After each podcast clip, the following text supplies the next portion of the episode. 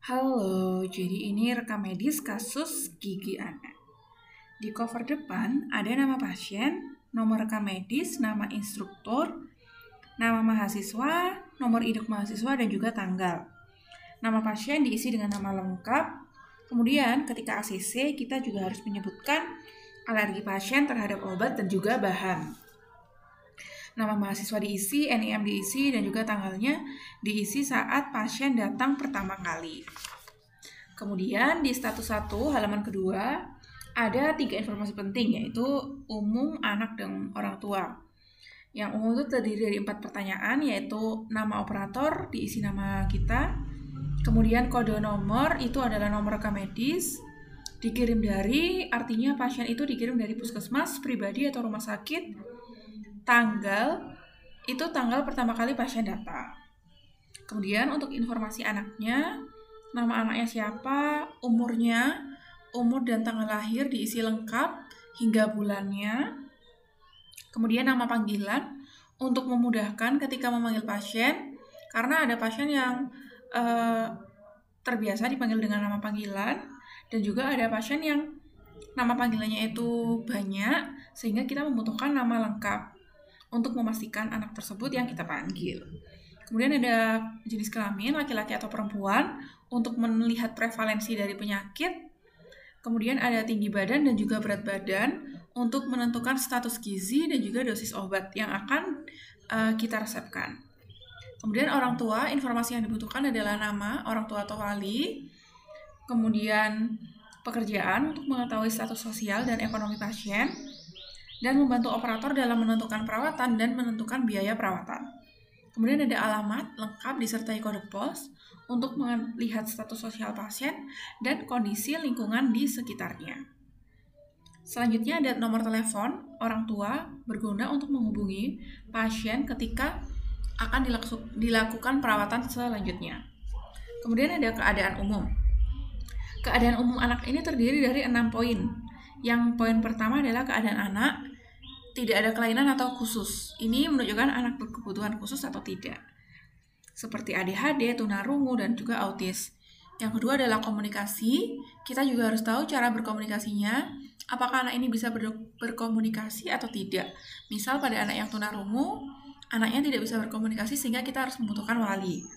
Kemudian yang ketiga adalah sedang dalam perawatan dokter atau tidak. Jika iya, sedang dalam perawatan apa? Misalnya uh, flu atau batuk sehingga operator bisa melakukan universal precaution atau menjaga jarak ketika melakukan perawatan supaya tidak tertular. Kemudian yang selanjutnya adalah keadaan tidur semalam anak untuk mengetahui uh, kondisi yang dikeluhkan sekarang. Misal saja anaknya tidak nyenyak tidur karena gelisah, sakit gigi. Jadi pilihannya itu ada nyenyak, gelisah, menangis dan lain-lain. Kemudian kondisi kesehatan anak saat ini sehat atau sakit. Misalnya dia sedang dalam perawatan dokter namun sudah sehat, sudah tidak batuk dan pilek lagi ataupun sedang dalam perawatan dokter namun masih batuk dan pilek. Kemudian yang terakhir adalah waktu hendak dibawa ke dokter gigi itu sikapnya seperti apa? Mudah atau sulit? Jika mudah maka sikap ini harus terus dipertahankan kita sebagai operator harus menjaga kata-kata dan uh, perawatan jangan sampai anak itu trauma dan selanjutnya merubah sikapnya jadi sulit untuk diajak ke dokter gigi. Itu yang poin pertama, keadaan umum anak. Kemudian yang kedua, riwayat medik itu ada empat poin. Yang pertama adalah alergi obat atau makanan. Iya atau tidak dan sejak kapan, kemudian jenis alerginya itu alergi apa. Kemudian, anak ini pernah sakit berat atau tidak? Jika iya, sakitnya apa? Kemudian, anak ini pernah dibawa ke rumah sakit atau tidak?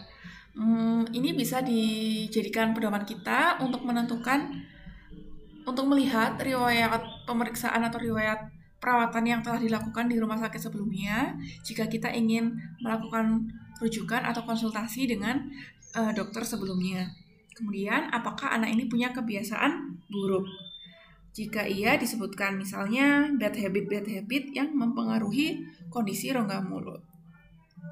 Poin kedua, riwayat medis. Kemudian poin ketiga, ada pengalaman pemeliharaan kesehatan gigi dan mulut. Ada dua poin. tentang menyikat gigi dan juga pernah mendapat perawatan gigi atau belum. Di menyikat gigi kita harus nanya ini dibiasakan menyikat giginya mulai kapan? Kemudian apakah ini dijadikan kebiasaan? Jika iya dijadikan kebiasaan, teratur atau kadang-kadang. Kemudian waktu menyikat giginya sudah sesuai apa belum? Pagi setelah sarapan dan malam sebelum tidur. Kemudian sikat giginya itu dibantu atau sikat gigi sendiri. Setelah itu pernah mendapat perawatan gigi atau tidak?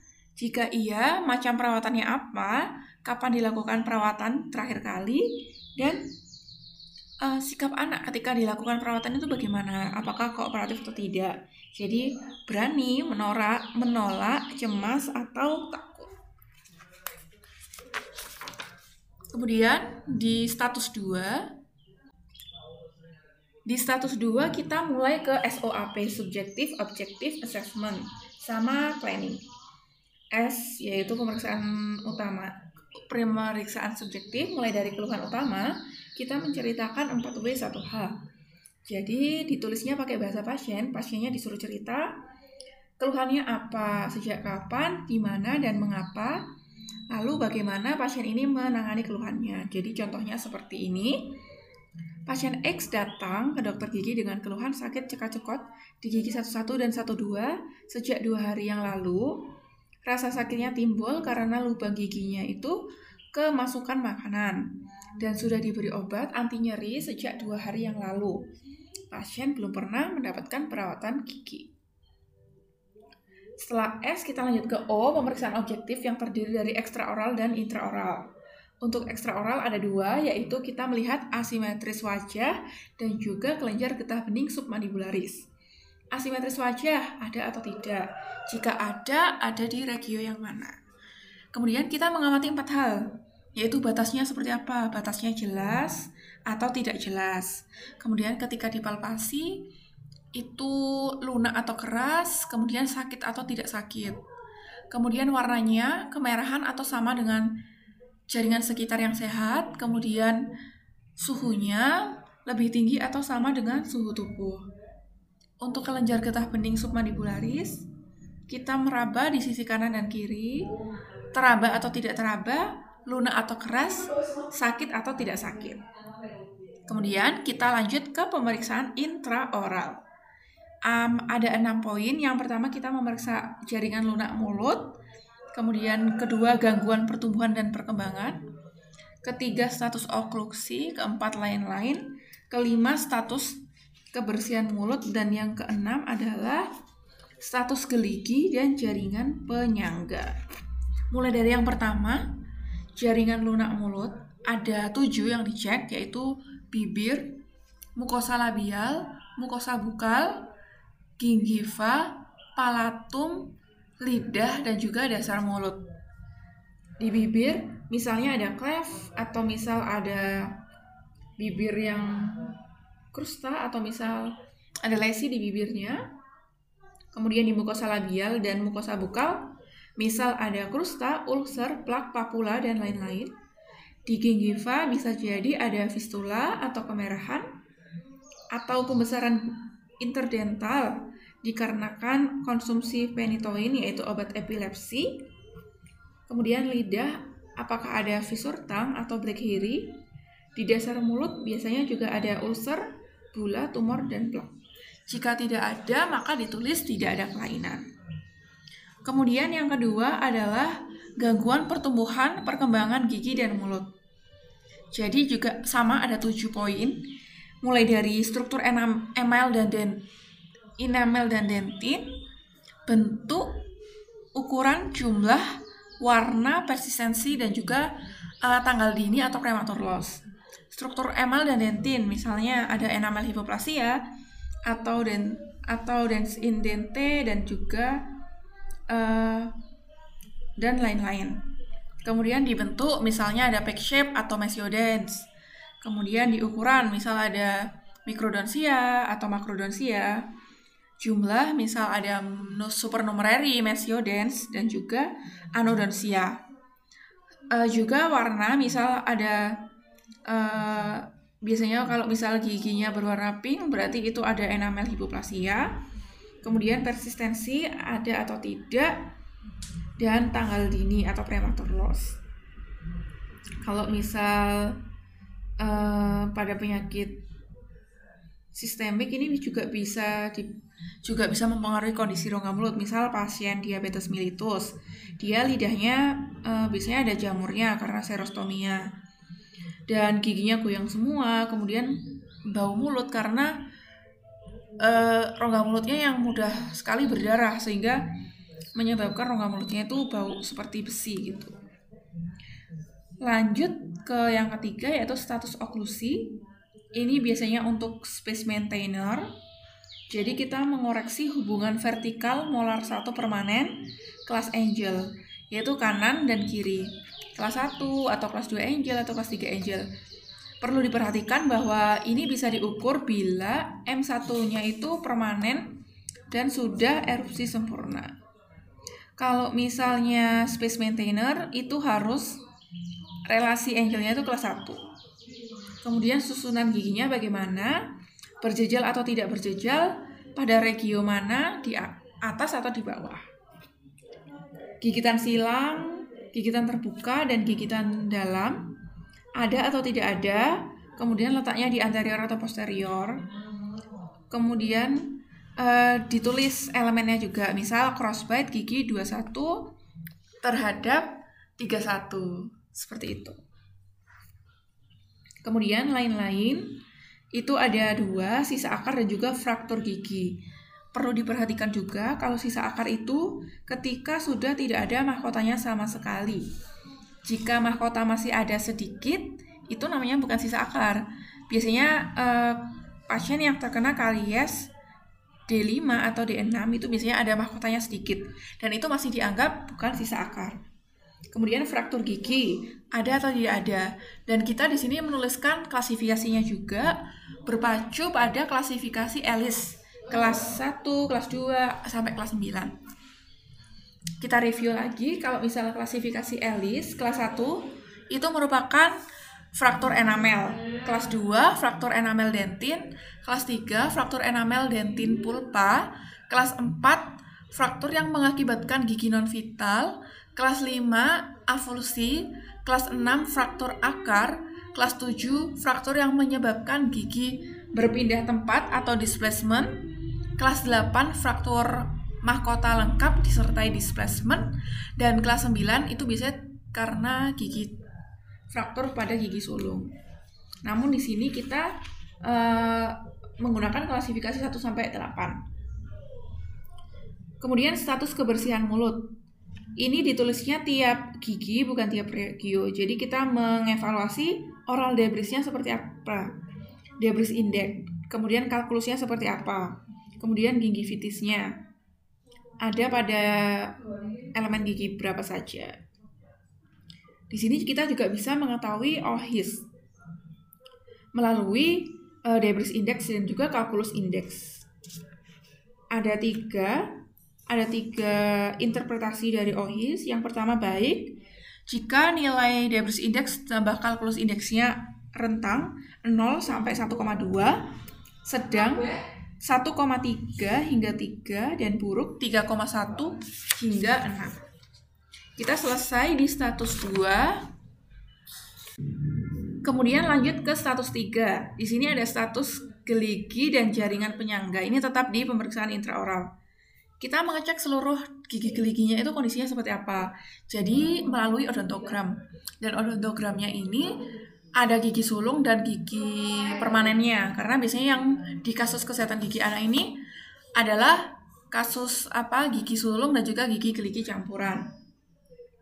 Ada odontogram di situ ada uh, elemen giginya permanen dan juga gigi desidui. Kemudian ada gambar kotak yang menunjukkan permukaannya. Di situ kita bisa menuliskan uh, ada karies di sisi mana di sisi distal. Berarti kita melakukan ditandai di sisi distal. Ada karies di sisi mesial ditandai di sisi mesial atau di seluruh permukaan maka kita melakukan pengarsiran pada seluruh permukaannya. Kemudian itu ada di bagian uh, odontogram pada gigi anak dan gigi sulungnya. kemudian di tengah itu ada jarak itu menandakan itu garis mesial garis median. Jadi kalau misal mengarah ke garis median itu berarti itu sisi mesial dan yang menjauhi berarti sisi distal. Kemudian ada enam kotak uh, di satu gigi misal di gigi tiga satu itu ada kotak-kotak kecil gitu. Enam kotak itu untuk uh, menghitung pocket dan juga resesi gingiva. Itu kita isi uh, berapa mili gitu. Berapa mili di permukaan bukal mesial bukal distal lingual mesial dan juga lingual distal kemudian ada juga bagian yang kosong kotak hanya kotak kosong gitu itu ditulis untuk singkatan ada singkatan itu seperti AM itu amalgam, GIC, RK itu resin komposit, ON itu online, IN itu inlay. Kita juga bisa menuliskan di situ karies klasifikasi yang mana. D1 sampai D6 ada juga KS, karya sekunder, PF, PIT, dan visur dalam. Atau misal A, anomali, F, fraktur, G, gigi goyang. Untuk gigi goyang dan untuk gigi goyang sekalian ditulis klasifikasinya, misal gigi goyang derajat 2, maka G derajat 2. G derajat bulat 2. Kemudian kalau hilang berarti ditulis H. Malposisi ditulis MP, impaksi ditulis I. Kemudian kalau misal sisa akar, kita bisa mencoret di angkanya, misal di gigi 31, di kotak yang ada tulisannya gigi 31 itu kita gambar V. Kalau misal di eksfoliasi atau dicabut, maka digambar X. E, kalau misal di lingkari merah, di elemen giginya, misal 38 di lingkari merah, berarti itu belum erupsi. Kalau misal gigi persistensi itu tidak perlu ditandain. Kemudian seperti itu. Jadi kalau misal karya semua kalau misal dia ada restorasi SSC maka diarsir diarsir kalau misal tidak ada gigi permanen itu bisa disilang merah atau ditulis A. Sudah odontogramnya. Kemudian melanjutkan ke pemeriksaan pelengkap ini. Di sini ada pemeriksaan radiografi ya di rekam medisnya. Jenis foto yang dilakukan itu apa? Panoramik, cefalometri, oklusal, TMJ atau dental. Dental itu artinya periapikal. Kalau misal oklusal, TMJ atau dental itu di regio mana atau di elemen gigi mana? Interpretasi fotonya ditulis terpisah, tidak di status ini, namun di lembar interpretasi radiografi. Begitu juga dengan uh, panoramik, cefalometri, oklusal, TMJ, dan juga periapikal. Itu ditulis semua, diinterpretasi di lembar kedokteran gigi. Contohnya, gigi 35, gigi 75 terdapat karies mencapai pulpa, bifurkasi terdapat benih gigi 75, dan lain sebagainya.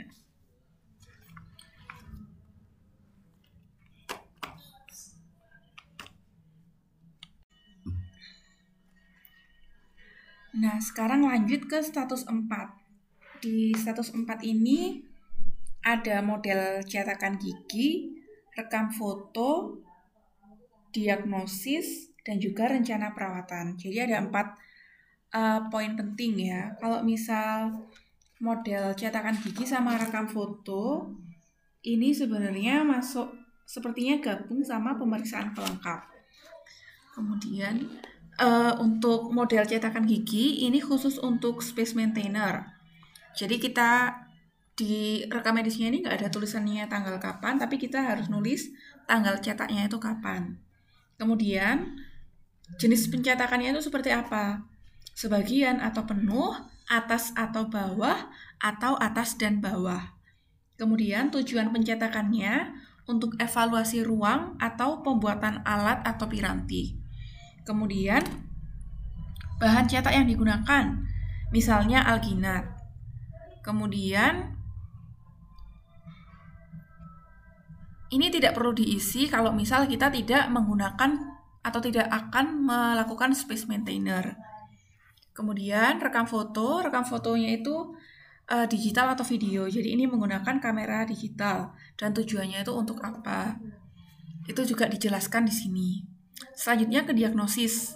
Jadi diagnosis ini ditulis lengkap, mulai dari yang teringan hingga terberat. Dan jumlah gigi yang ada di diagnosis ini harus sama sama diagnosis yang ada di odontogram, kecuali uh, visur silen. Visur silen itu cuma ada di rencana perawatan, tapi tidak ada di diagnosis. Terus habis itu diagnosisnya itu ada diagnosis keluhan utama dan juga diagnosis lengkap. Kalau diagnosis keluhan utama itu kita dapatkan dari keluhan pasien yang dikeluhkan pasien. Jadi, misal uh, misal berapa ya? 85 pulpitis irreversible gitu. Dan untuk membantu menegakkan diagnosis, uh, selain pemeriksaan subjektif dan objektif, kita juga melakukan tes-tes, tes vitalitas. Seperti yang pertama kali dilakukan adalah tes thermal. Tes thermal menggunakan tes dingin, yaitu kloroetil, cotton pellet ditempel di daerah bukal servikal. Ini hasilnya pasti dingin. Untuk mendeteksinya itu ngilu atau tidak. Kalau misal ngilu, sudah kita berhenti di situ Berarti ini pulpitis reversible. Kalau misal negatif atau tidak ngilu, kita lanjut ke tes kavitas. Tes kavitas menggunakan jarum Miller. Ini hati-hati perforasi. Kemudian kalau misal sakitnya itu sekitar 7 mili, berarti itu pulpitis irreversible. Kalau misal 10 mili, berarti nekrosis pulpa. Kemudian uh, kita lanjut ke dengan bur ya, itu juga bisa ngebur dentin. Kalau misal dentinnya itu terasa keras itu dan kalau misal di tes pakai sonde itu datar itu berarti pulpitis reversible bisa sampai D5 kemudian kalau misal lunak jadi kalau misal dikasih sonde itu uh, ada yang nyangkut dan nyeri itu bisa jadi pulpitis irreversible gitu. Kemudian itu bakal bantu banget ke rencana perawatan. Kalau misal diagnosisnya, diagnosis lengkapnya, contoh penulisannya, uh, karies dentin di gigi 54, 52, kemudian harus urut ya. Kemudian nekrosis pulpa disertai dengan uh, resorpsi fisiologis gigi 74 dan 84. Kemudian nekrosis pulpa di gigi 75 74. Kemudian pulpa normal disertai, disertai resorpsi fisiologis. Kemudian kita juga bisa menuliskan klasifikasi. Mis misal uh,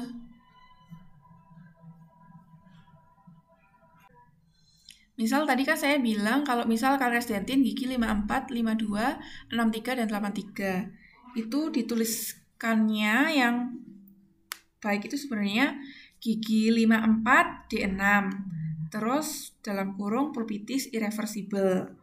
Gitu. Pokoknya harus disertai juga di 1 sampai D5-nya gitu.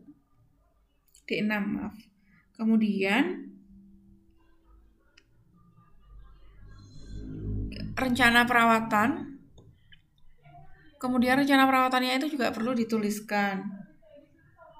Seperti yang pertama itu eh, KIE pada orang tua, komunikasi, informasi dan edukasi.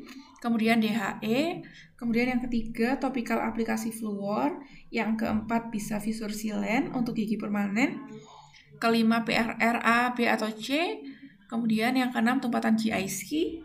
Kelas 1 untuk gigi 7585, kelas 2 untuk gigi 65, kelas 4 eh kelas 3, 4, 5 dan seterusnya.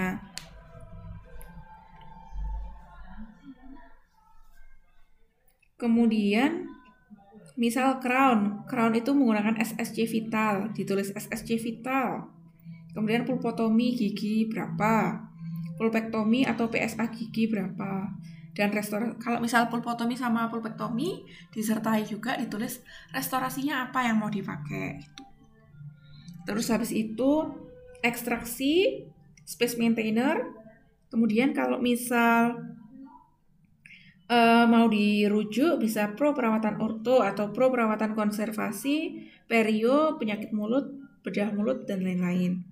Itu biasanya kalau misal ada crossbite, kalau misal ada kelainan malposisi yang parah gitu.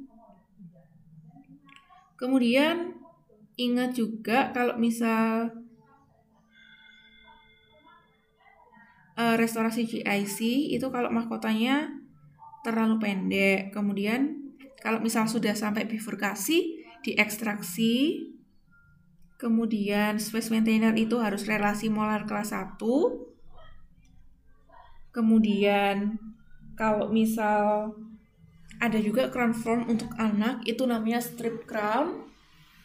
Kemudian SSC itu juga bisa di gigi anterior tapi nanti di bagian labialnya itu diganti sama tumpatan komposit. Sih, kemudian uh, lanjut ke halaman selanjutnya, status 5 itu seperti progres untuk operatornya. Jadi ada nomor, tanggal, tindakan perawatan, keterangan dan juga paraf. Oh ya, kita penting banget sebagai operator jangan sampai memunculkan kata sakit karena itu bisa membentuk mindset anaknya akhirnya dia itu merasakan sakit gitu.